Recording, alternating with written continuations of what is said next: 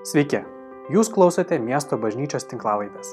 Pamokslas, kurį netrukus išgirsite, buvo įrašytas sekmadienio pamaldų metu. Meldžiame Dievo, kad Jis kalbėtų jums per šį pamokslą. Labadiena dar kartelį. Miesto bažnyčia Klaipėdai, miesto bažnyčia Vilniui. Iš tikrųjų, pagal įpratį norėjau pasakyti gerą jūs matyti, bet viliuosi, kad jums gera mus matyti čia per, per ekranus ir viliuosi, kad susirinkot artimaisiais ir galit žiūrėti šitą įrašą. Ir iš tikrųjų pasilgom jūsų visų, visi tarnautojai, visa komanda, pasilgom bažnyčios ir prieš, pam, prieš šitą įrašą mes kalbėjomės, jog būtų tikrai bus didelė šventė, kai mes galėsim realiai susirinkti visi gyvai ir šlovint viešpatį, tai bus tikrai džiaugsminga diena. Bet iki to mes transliuosim ir iš tikrųjų norim, kad jūs turėtumėte tokį maldos laiką, susitikę kartu per pamaldų transliaciją arba pamaldų įrašą, kad iš tikrųjų tai būtų maldos nuostata, paliktumėt visus rūpešius, visus darbus ir galėtumėt atsidėti klausimuisi ir šlovinimui. Ir iš tikrųjų, kaip pastorius minėjo, šitą pamokslų seriją mes nesugalvojom prieš dvi savaitės, bet gimė gal porą mėnesių iš tikrųjų prieš anksčiau ir iš tikrųjų atrodytų, kad Dievas jisai nukreipė šitos, šitas mintis mums dalintis apie tą gerą žinę, apie Dievo karalystę, kuri šiandien reiškiasi išgydymais taip pat. Ir turbūt niekas negalėtų priekaištauti mums šiandien, kad tema pasirinkta ne į temą, bet iš tikrųjų tai yra pakankamai aktualu šiandien. Ir šito pasidalinimo pabaigoje jis neturėtų būti labai ilgas. Melsimės už ligonius, melsimės už, už fizinės lygas, už, už išgydymą iš tikrųjų. Todėl norėčiau paprašyti, nepabėkit, neišeikit kažkur ir pasilikit kartu su mumis iki pat pabaigos. Na, o pradėti norėčiau nuo tokio pastebėjimo, jog išgydymai nebuvo kažkokia šalutinė, nepastebima ar nereikšminga Jėzaus tarnystės dalis. Iš tikrųjų, tai buvo pakankamai reikšminga ir pakankamai didelė Jėzaus darbų dalis, didžioji dalis buvo išgydymai. Ir kaip kažkas gerai pastebėjo, jog jeigu iškirpti iš Naujojo testamento visas vietas apie išgydymus, apie pasveikimus, iš tikrųjų Naujasis testamentas suplonėtų ko ne per pusę. Tai pakankamai reikšminga ir iš tikrųjų atkreipkime į tai savo dėmesį, nes aš manau šiandien, kaip niekada anksčiau, tai yra aktualu kiekvienam iš mūsų. Ir pradėti norėčiau nuo tokios reikšmingos, mano galva, rašto vietos. Mato Evangelijos 8 skyriaus nuo 1 iki 4 eilutės paskaitysiu, jūs tiesiog paklausykit. Ir čia parašyta, kai Jėzus leidosi nuo kalno, jį sekė didelės minios. Ir štai priejo raupsuotasis ir pagarbinės jį įsakė, viešpatė, jei nori, tu gali mane padaryti švarų. Jėzus ištiesė ranką, palėtė jį ir tarė, noriu, būk švarus. Ir to jau raupsai išnyko. Jėzus pasakė jam, žiūrėk, niekam nepasakok, bet eik pasirodyk kunigui ir paukok Mozės įsakytą atnašą jiems paliudyti. Jėzus leidosi nuo kalno. Ir mes žinom, kad Mato Evangelijos 5, 6, 7 skyriai yra Jėzaus grasusis žinomas kalno pamokslas. Šitose skyriuose jisai kalba labai svarbės tiesas, sakykime, tokia kaip konstitucija krikščionių, tikinčiojo, apie labai svarbės temas ir iš tikrųjų jisai leidžiasi jau po to pamokslo nuo kalno ir parašyta sutinka raupsuotai. Mes daug girdėję apie raupsuotusius senų metų, šiandien gal neraupsuoti, gal kitokios problemos mums aktualios, bet tas žmogus buvo savotiškam karantinė. Ir ačiū Dievui, ne taip kaip mums šiandien. Mes galim būti patogiuose savo namuose, keliauti iš miesto į miestą. Bet tada žmogus buvo išvaromas iš bendruomenės, už miesto, jis negalėjo turėti jokio sąlyčio su, su žmonėmis, su savo artimaisiais. Ir praktiškai tai buvo vienintelis gydimo būdas, tai buvo karantinas ir žmogus buvo paliekamas Dievo malonė. Jeigu pasveikai, gali sugrįžti į, į bendruomenę. Jeigu tu numirsi, mes tave palaidosim. Tai, žodžiu, šitas raupsuotasis, jis buvo pakankamai toli nuo tos vietos, kur jisai galėtų girdėti kalno pamokslą. Greičiausiai jis negirdėjo, ką Jėzus kalbėjo. Ir jis susitinka jį jau atokiau, ten, kur buvo mažiau žmonių.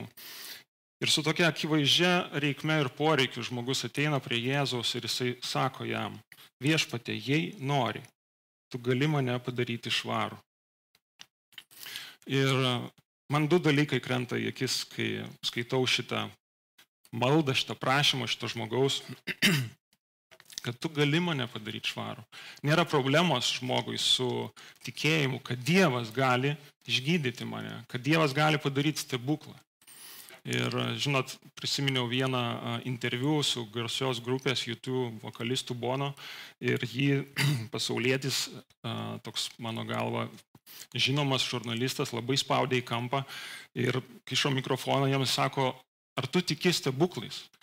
Dar kartelį pakartoja, ar tu tikrai tiki stebuklais? Ir Bono sako, žinot, aš tikiu Dievu, aš neturiu problemų su stebuklais. Taip, aš tikiu stebuklais. Ir, žinot, jeigu yra Dievas, nėra problemų su stebuklais. Ir tas žmogus, jisai pats teigia šitoje istorijoje, kurioje mes skaitėm, kad tu gali Dievę mane padaryti švarų. Bet klausimas yra kitas. Ar tu nori? Kokia Dievė yra tavo valia? Ar tu iš tikrųjų nori mane padaryti švarų? Kai mes esam girdėję šitas istorijas, dažnai mes sakom, taip, Dievas nori, Dievas geras, bet kai kažkokia bėda ar nelaimė pasiekia mūsų asmeniškai, dažniausiai mes užsiduodam vėl šito klausimu. Viešpati, ar tu tikrai nori? Kokia yra tavo valia man šiandien šitoje situacijoje? Ir skaitant šitą ištrauką, mane užlėjo džiaugsmas ir paguoda, nes viešpats yra geras ir maloningas, todėl kad mes galėjom šiandien žinoti sausą faktą. Jėzus Kristus gydė raupsuotusius. Taškas. Ir tai būtų gerai. Tai būtų Dievo žodis. Bet šventoji dvasia panorėjo išplėsti šitą paveikslą. Ir Jėzus sako daug daugiau, jis pasako labai daug. Mums nebereikia šiandien spėlioti, kokia yra Dievo širdis, kokia yra Dievo nuostata arba kokia yra Dievo valia mums. Jisai pasako, aš, sako, noriu, būk švarus. Jėzus betarpiškai stovi prie pat žmogaus, uždėjant jo ranką, galbūt žiūri jam į akis ir sako, noriu būk švarus ir to jau raupsai išnyko.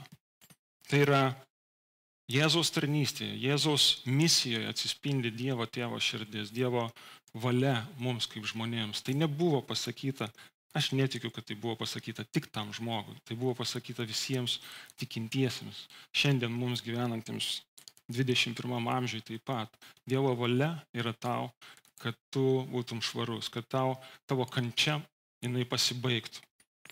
Kitoje vietoje Jėzus sako, Evangelijose pasakyta, jog Jėzus pamatė daugybę žmonių ir jam pagailo jų. Ir jis išgydė jų ligonius. Atrodytų, kaip viešpatė pasireiškia šitoje konkrečioje situacijoje tavo gailestingumas, jis pasireiškia išgydymu. Jis pasireiškia, kad kančia kamavusi žmogui jinai paliko jis, žmogus tapo sveikas. Tai buvo Dievo gailestingumas. Taigi Jėzus leidžiasi nuo kalno ir simboliška, bet atrodytų, kad tai yra tarsi demonstravimas to, ką ką tik kalbėjo Jėzus. Tri, tris skyriai kalno pamokslai, jisai demonstruoja karalystę. Jis tarsi sako, Dievo karalystė nėra kalboje, ji yra jėgoje. Tai nėra tik teorija, tai pasiekia mano esmę, mano, mano galbūt skaudančią situaciją, kažkokią nerimą keliančią situaciją. Jėzus yra be galo arti, jis yra betarpiškas. Ir mane tai be galo įkvėpia. Ir lik tyčia šitam skyriui, patys paskaitykit, mato aštuntą skyrių Evangelijos, ten eina eilė išgydymų. Nebe pamokslai, bet eilė išgydymų. Po to yra garsioji istorija apie šimtininko tarno išgydymą. Ir po to Jėzus užeina pas Petrą į svečius ir ten liktyčia serga uošvinė. Jis pasimeldžia ir ta lyga pasitraukia. Pasveiksta ir dar toliau pasakyta, jog daugybė žmonių susibėgo į tą vietą. Ir 16 eilutė išgydė visus ligonius. Visus ligonius. Tai įspūdinga rašto vieta. Ir taip pat yra cituojamas pranašas Izaijas, kuris daugybę metų iki Kristaus pasakė žodžius. Jis pasiemė mūsų negalės ir nešė mūsų lygas. Tai yra žinutė apie Mesiją, kurio laukia Izraelio tauta. Laukia to, kuris ateis ir išvaduos juos iš nuodėmės valdžios, iš tamsybių. Ir štai atėjo ta diena, kada darbais yra akivaizdžiai demonstruojama tai, kas buvo senai išpranašauta. Ir svarbiausias dalykas yra tas, kad tauta sulaukė mesijo to, kuris daro šitos darbus. Net netie stebuklai toks didelis reikšmingas įvykis, kiek tai, kad mūsų tarpe yra Jėzus Kristus. Pradėjai kaip tada, prieš 2000 metų, taip ir šiandien. Jėzus yra su mumis, Mesijas yra su mumis. Ir kelios rašto vietos, tiesiog pamatyti dar plačiau šitą vaizdą Evangelijose, be galo daug rašto vietų, bet aš dar tris tiesiog noriu pacituoti. Mato ketvirtam skyriui 23 eilutė. Jėzus vaikščiojo po visą Galilėją, mokydamas sinagogose, pamokslaudamas karalystės Evangeliją ir gydydamas visas žmonių lygas bei negalės. Jėzus pamokslauja karalystės Evangeliją ir gydo visas lygas toks ryšys, aš matau tame tokį svarbų ryšį. Mato 15.30. Prie jo susirinko didžiulės minios, kurios atsigabeno su savimi. Įsivaizduokit šitą vaizdą. Lošų, aklų, nebilių, raišų ir daugelį kitokių parašyta. Žmonės suguldė juos prie Jėzaus kojų, o jis pagydė juos. Jis pagydė juos. Dar pasakyta, visa minė stengiasi jį paliesti, nes iš jo ėjo jėga ir visus gydė. Ir čia užrašyta yra ne kažin ko kito, bet gydytojo Luko, evangelisto Luko 6.19. Jis sako, Jėzus turėjo jėgą ir jinai gydė žmonės. Taigi Jėzus ir išgydymai yra reikšmingas, reikšmingas dalykas jo misijoje, jo tarnystėje. Ir įdomu tai, kad mokiniai, kurie viską mato, ką daro jų mokytojas, jie neužilgo patys ima tą patį daryti jie patys ima elgtis taip pat kaip, kaip Jėzus. Ir Luko 10 skyriui 9 eilutė labai svarbi e, eilutė. Pasak, ten Jėzus jis siunčia savo mokinius pasakydamas, užeisit į miestą, gydykite jame esančius ligonius. Žvėjams jisai sako, gydykite jame esančius ligonius. Ir sakykite jiems, jums prisertino Dievo karalystė. Taigi Dievo karalystė ir išgydymai yra susiję. Išgydymai yra tarsi matoma karalystės, Dievo karalystės išraiška. Kažkas yra pasakęs, kad kai mes melžiamės išgydymu, kai mes melžiamės už žmonės, tai tarsi melstumėm Dievę, te ateinie tavo karalystė. Tai to lygų. Nes visi suvokia, ir, kad karalystėje nebus skausmo, nebus mirties, nebus ašarų, nebus nerimo, nebus baimės, Ir žiūrint toliau, peršokant jau į apaštalų darbus, kada Jėzus jau yra paimtas, kai jo nebėra kartu su mokiniais, kaip mokytojo, kaip pavyzdžio, mokinių sąmonėje atrodo veikia tas pats modelis, ką jie matė per tiek laiko tarnaujant Jėzui. Jie eina ir stebuklai atrodo vyksta toliau. Jisai, mes matom daugybę istorijų užrašytą ir viena iš tokių yra, kada e, Petras su Jonu, jie sako, eina į pamaldas, kaip įpratę ir galbūt jie šnekučiuojasi tarpusavį ir derina planus, kokį skelbimą sakyti ir, ir kaip patarnauti žmonėms. Bet jų žvilgsnį patraukia poreikis, žmogus guli luošas ir, ir jie nepraeina pro jį. Man, man graži šitą istoriją tuom, kad jie nėra taip susirūpinę kažkokio, kažkokiu savo planu, bet jie sustoja ir jie mato, ką Jėzus darytų šiuo atveju. Ir Petras sako, neturiu nei aukso, nei sidabro, bet ką turiu, tą duodu. Jėzaus vardu kelkis ir vaikščiok. Ir tas žmogus stebuklingai pagyja ir ten didžiulis šurmulys mieste. Jeigu peršokti į patį, pačią pabaigą paštalų darbų, man simboliška tai, kad paštalų darbų pabaiga jau yra istorija, jau yra daug metų praėję nuo Jėzaus paėmimo, jau bažnyčia plečiasi, jie persekioja, vyksta stebuklai, žmonės atgailauja, pagyja ir panašiai. Ir 28 skyriui kelias eilutės tiesiog noriu perskaityti ir apie paštalą Paulių kuris plaukdamas laivu, jie sudūšta laivas ir jie juos išmeta į salą. Ir nuo 7 eilutės 28 skyrios pasakyta, netoli tos vietos buvo vyriausiojo salos valdininko vardu Publijus valdos. Jis mus priėmė ir tris dienas bičiuliškai globojo. Tuo metu Publijaus tėvas susirgo karštinę ir viduriavimu. Paulius užėjo pas jį, pasimeldė, uždėjęs ant jo rankas ir išgydė. Tiesiog išgydė. Atrodytų, Paulius būtų daktaras. Tiesiog pasimeldė, uždėjo rankas ir išgydė. Įdomu toliau parašyta, devinta eilutė. Po šito įvykio ir kiti salos gyventojai turėjo lygų, ėjo pas Paulių ir buvo pagydomi. Ir jie buvo pagydomi. Prasme, tai buvo mąstymė, kad Jėzus taip darė ir bažnyčia taip elgėsi. Jie meldžiasi, kad žmonės pagytų nuo savo lygų, nuo to, kas juos kamuoja. Ir mokiniai seka Jėzaus pavyzdžių, jie žiūri Jėzų ir daro tą patį. Ir ta karalystės misija tęsiasi. Žinau, šiandien mes tiek toli nuo šitų įvykių, nuo paštalų darbų galim žiūrėti ir į Jėzų, ir į mokinius, į tą pirmąją bažnyčią. Ir dar daugiau mes galim pažiūrėti dar į istoriją krikščionybės, bažnyčios istoriją. Be galo daug čia būtų galima plėstis, bet tiesiog e, labai trumpai paminėsiu, jog antrame amžiuje bažnyčios vienas iš tėvų, Irenėjas, jisai e, sako, jog kalba apie ligonių išgydymą rankų uždėjimu.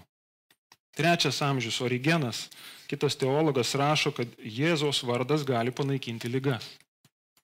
Čia jau nebe naujasis testamentas, čia jau bažnyčios istorija.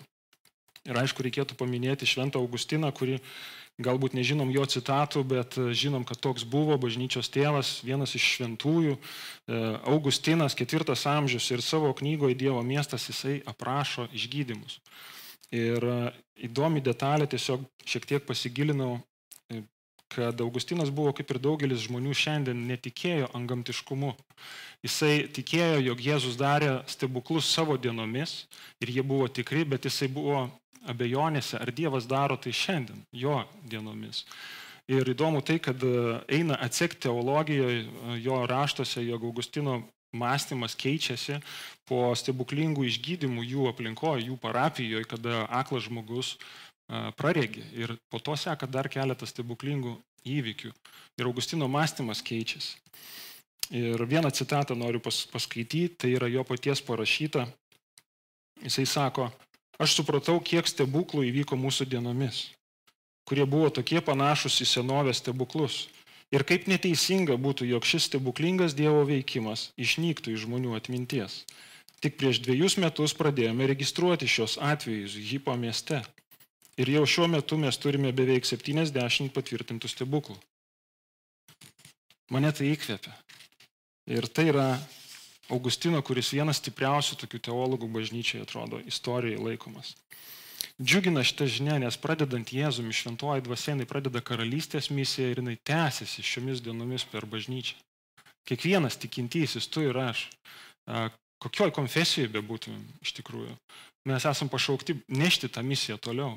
Ta karalystė prisartino ir tie darbai, jie, jie vyksta bažnyčios rankomis, tikinčiųjų rankomis. Ir Įdomu tai, kad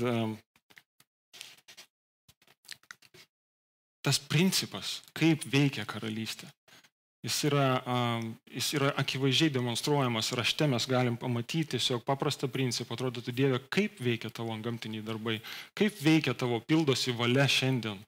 Ir man krito į akis, kad ir paprasti tokie pavyzdžiai. Jėzus daro stebuklus, pats pirmasis stebuklas. Jėzus paverčia vandenį vynu.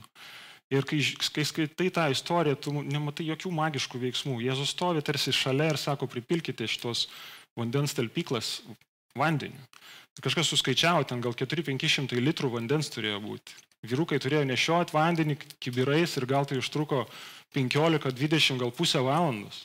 Jėzus stovi nuo šaly, pripilkite vandens šitos indus. Paskui sako, neškite ant stalo. Kai jie neša ant stalo, kažkokiu momentu tas vanduo tampa geriausiu vynu. Tai buvo įspūdingos vestuvės, nes vyno buvo gal 500 litrų. Bet įdomu tai, kad tarsi nieko magiško. Tik tai vynas atsiranda. Stebuklas, kad Jėzus yra jų tarpe, bet viskas vyksta žmonių rankomis. Kai Jėzus padaugino duoną keliems tūkstančiams, tai didžiulis stebuklas su tais keliais kepaliukais, jis tik palaimina, o mokiniai susodina po 50, nešioja tos, tos gabalėlius, dalina ir Visi pamaitinti, žmonės daro šitą veiksmą. Dar įdomu šito istorija tai, kad kai mokiniai pamatė, kad tiek daug žmonių, jie sako, Jėzau, reikia paleisti juos, jie kažkur turėtų nueiti pavalgyti. Jėzus sako, ne, jūs duokit jiems valgyti. Ir aš galvoju, kad dažnai mes šiandien ant gamtinio Dievo veikimo laukiam tarsi nebibliškais metodais, tarsi norėdami pasitraukti šalį ir sakyti, Dieve, tu daryk. Iš tikrųjų, Jėzus sako, jūs duokit jiems valgyti. Ir mokiniai iš tikrųjų buvo pasimetę ir tai buvo jiems iššūkis. Kaip dažna kart galbūt ir mums šiandien. Bet dar keletas pavyzdžių, kurie man kalba apie tai, jog Dievas yra numatęs, kad jos stebuklingi darbai vyks per tave ir mane. Paprastas, paprasta istorija, paštulų darbuose, Kornelijus. Pamaldų žmogus, jisai melžiasi ir Dievas siunčia jam angelą. Angelas pasirodo žmogui ir jis jam pasako, pasikviesk Petrą, jis ateis ir pasakys tau, ką reikia daryti. Paskelbs tą gerąją naujieną, karalystės evangeliją. Ir aš galvoju, Dieve, jeigu tu parodėjai angelą šitam žmogui, nu susikviesk savo vaikus, visą šeimą, va, žiūrėkit, angelas, visi atgailautų, visi atsiverstų, visi taptų krikščionis ir valio. Bet iš tikrųjų ne, žinutė tik tais Kornelijui.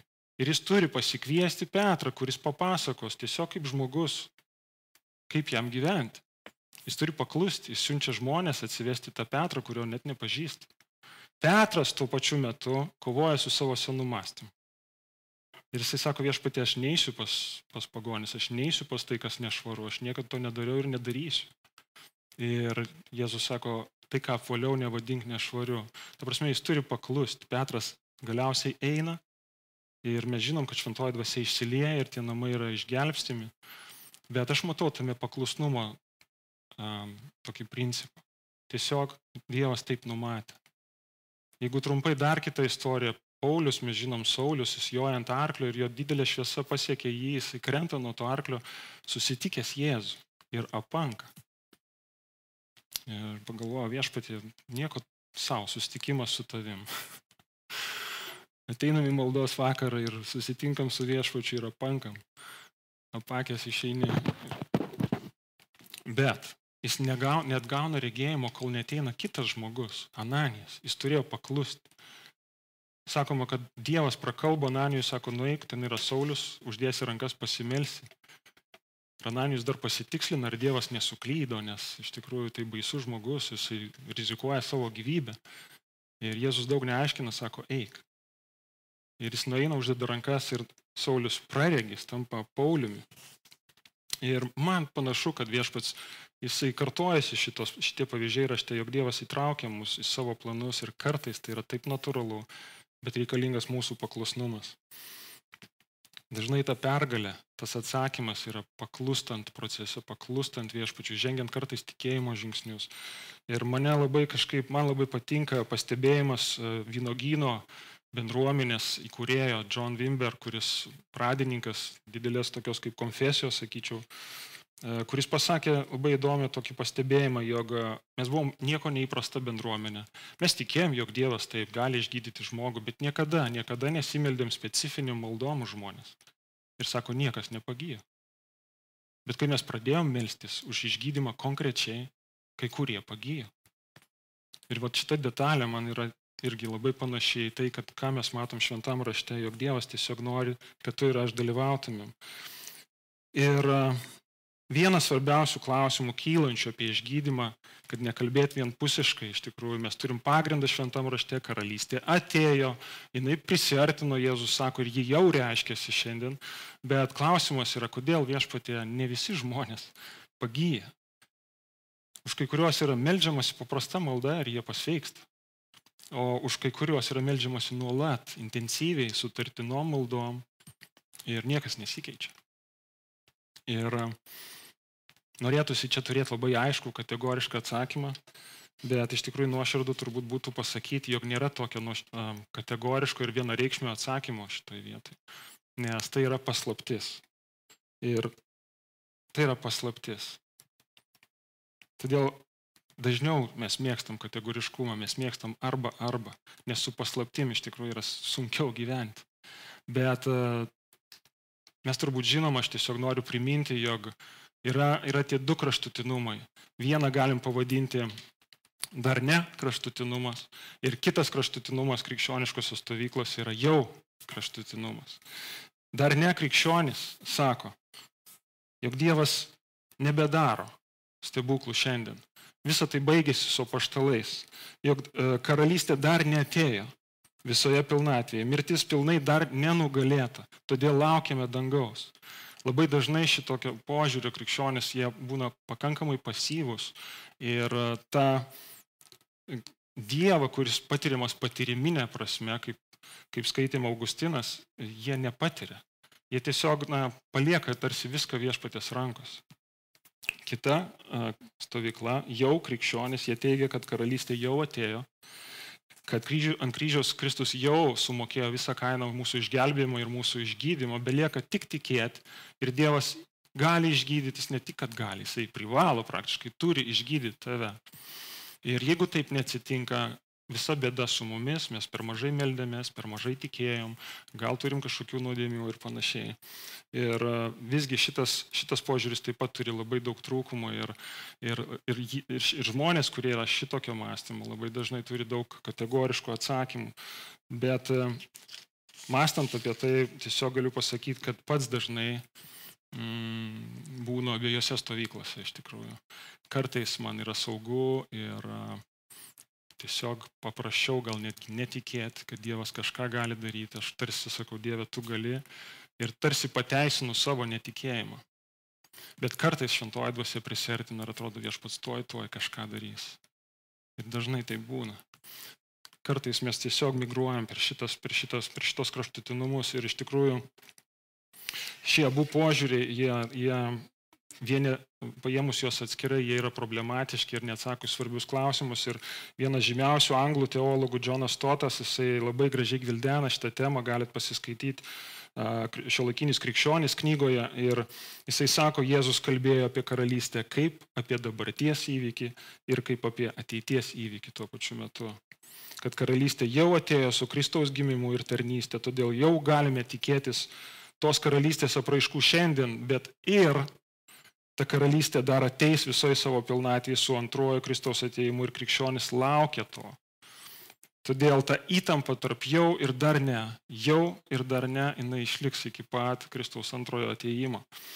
Ir e, kada nebeliks mirties ir nuopolio pasiekmių, kada karalius bus tarp mūsų ir jo karalystė bus visoje pilnatvė ir jėgoje, žmonės nebemirs. Šiandien visi statistiškai mirštam, todėl pasiekmes to nuopolio dar tebe veikia. Bet iki to meto, kol Kristus ateis, mes turime paliepimą dalintis karalystės gerąją naujieną, melstis už ligonius ir tikėti, kad Dievas liečia ir Dievas gydo šiandien. Nes karalystė jau prisertino.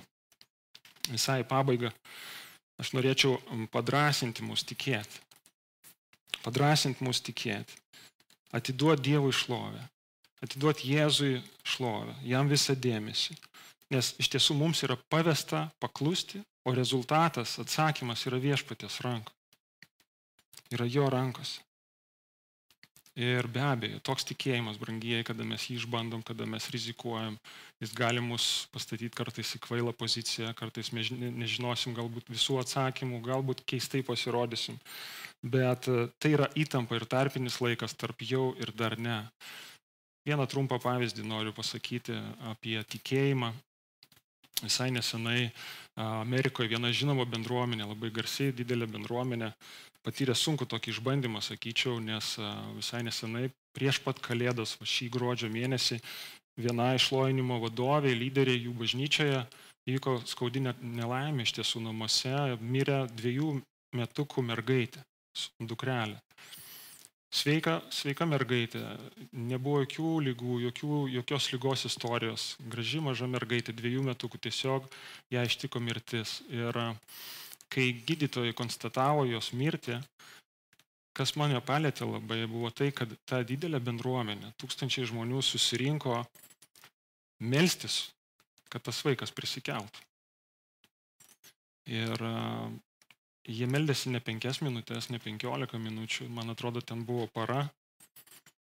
Ir šitą istoriją nėra su linksma ir gera pabaiga.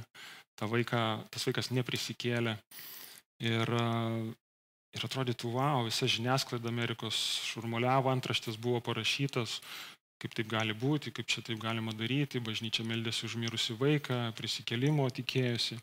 Ir e, jie parašė po to oficialią žinutę ir viena mintis buvo tokia, kad šitą bendruomenę rašo, mes siekėme stebuklo, kad Dievas prikeltų ją iš numirusių. Supratome, jog tai yra už mūsų už normos ribų, bet tai juk ir yra stebuklo esmė. Tai, kas viršė mūsų prigimti ir mūsų galimybės. Ir aš pagalvojau, Dieve, tikrai kartais galim būti labai keistai atrodyti, bet, bet geriau tikėti ir pagarbinti Dievą tikėjimu, negu atsitraukti, saugiai pateisinti savo netikėjimą ir net nebandyti.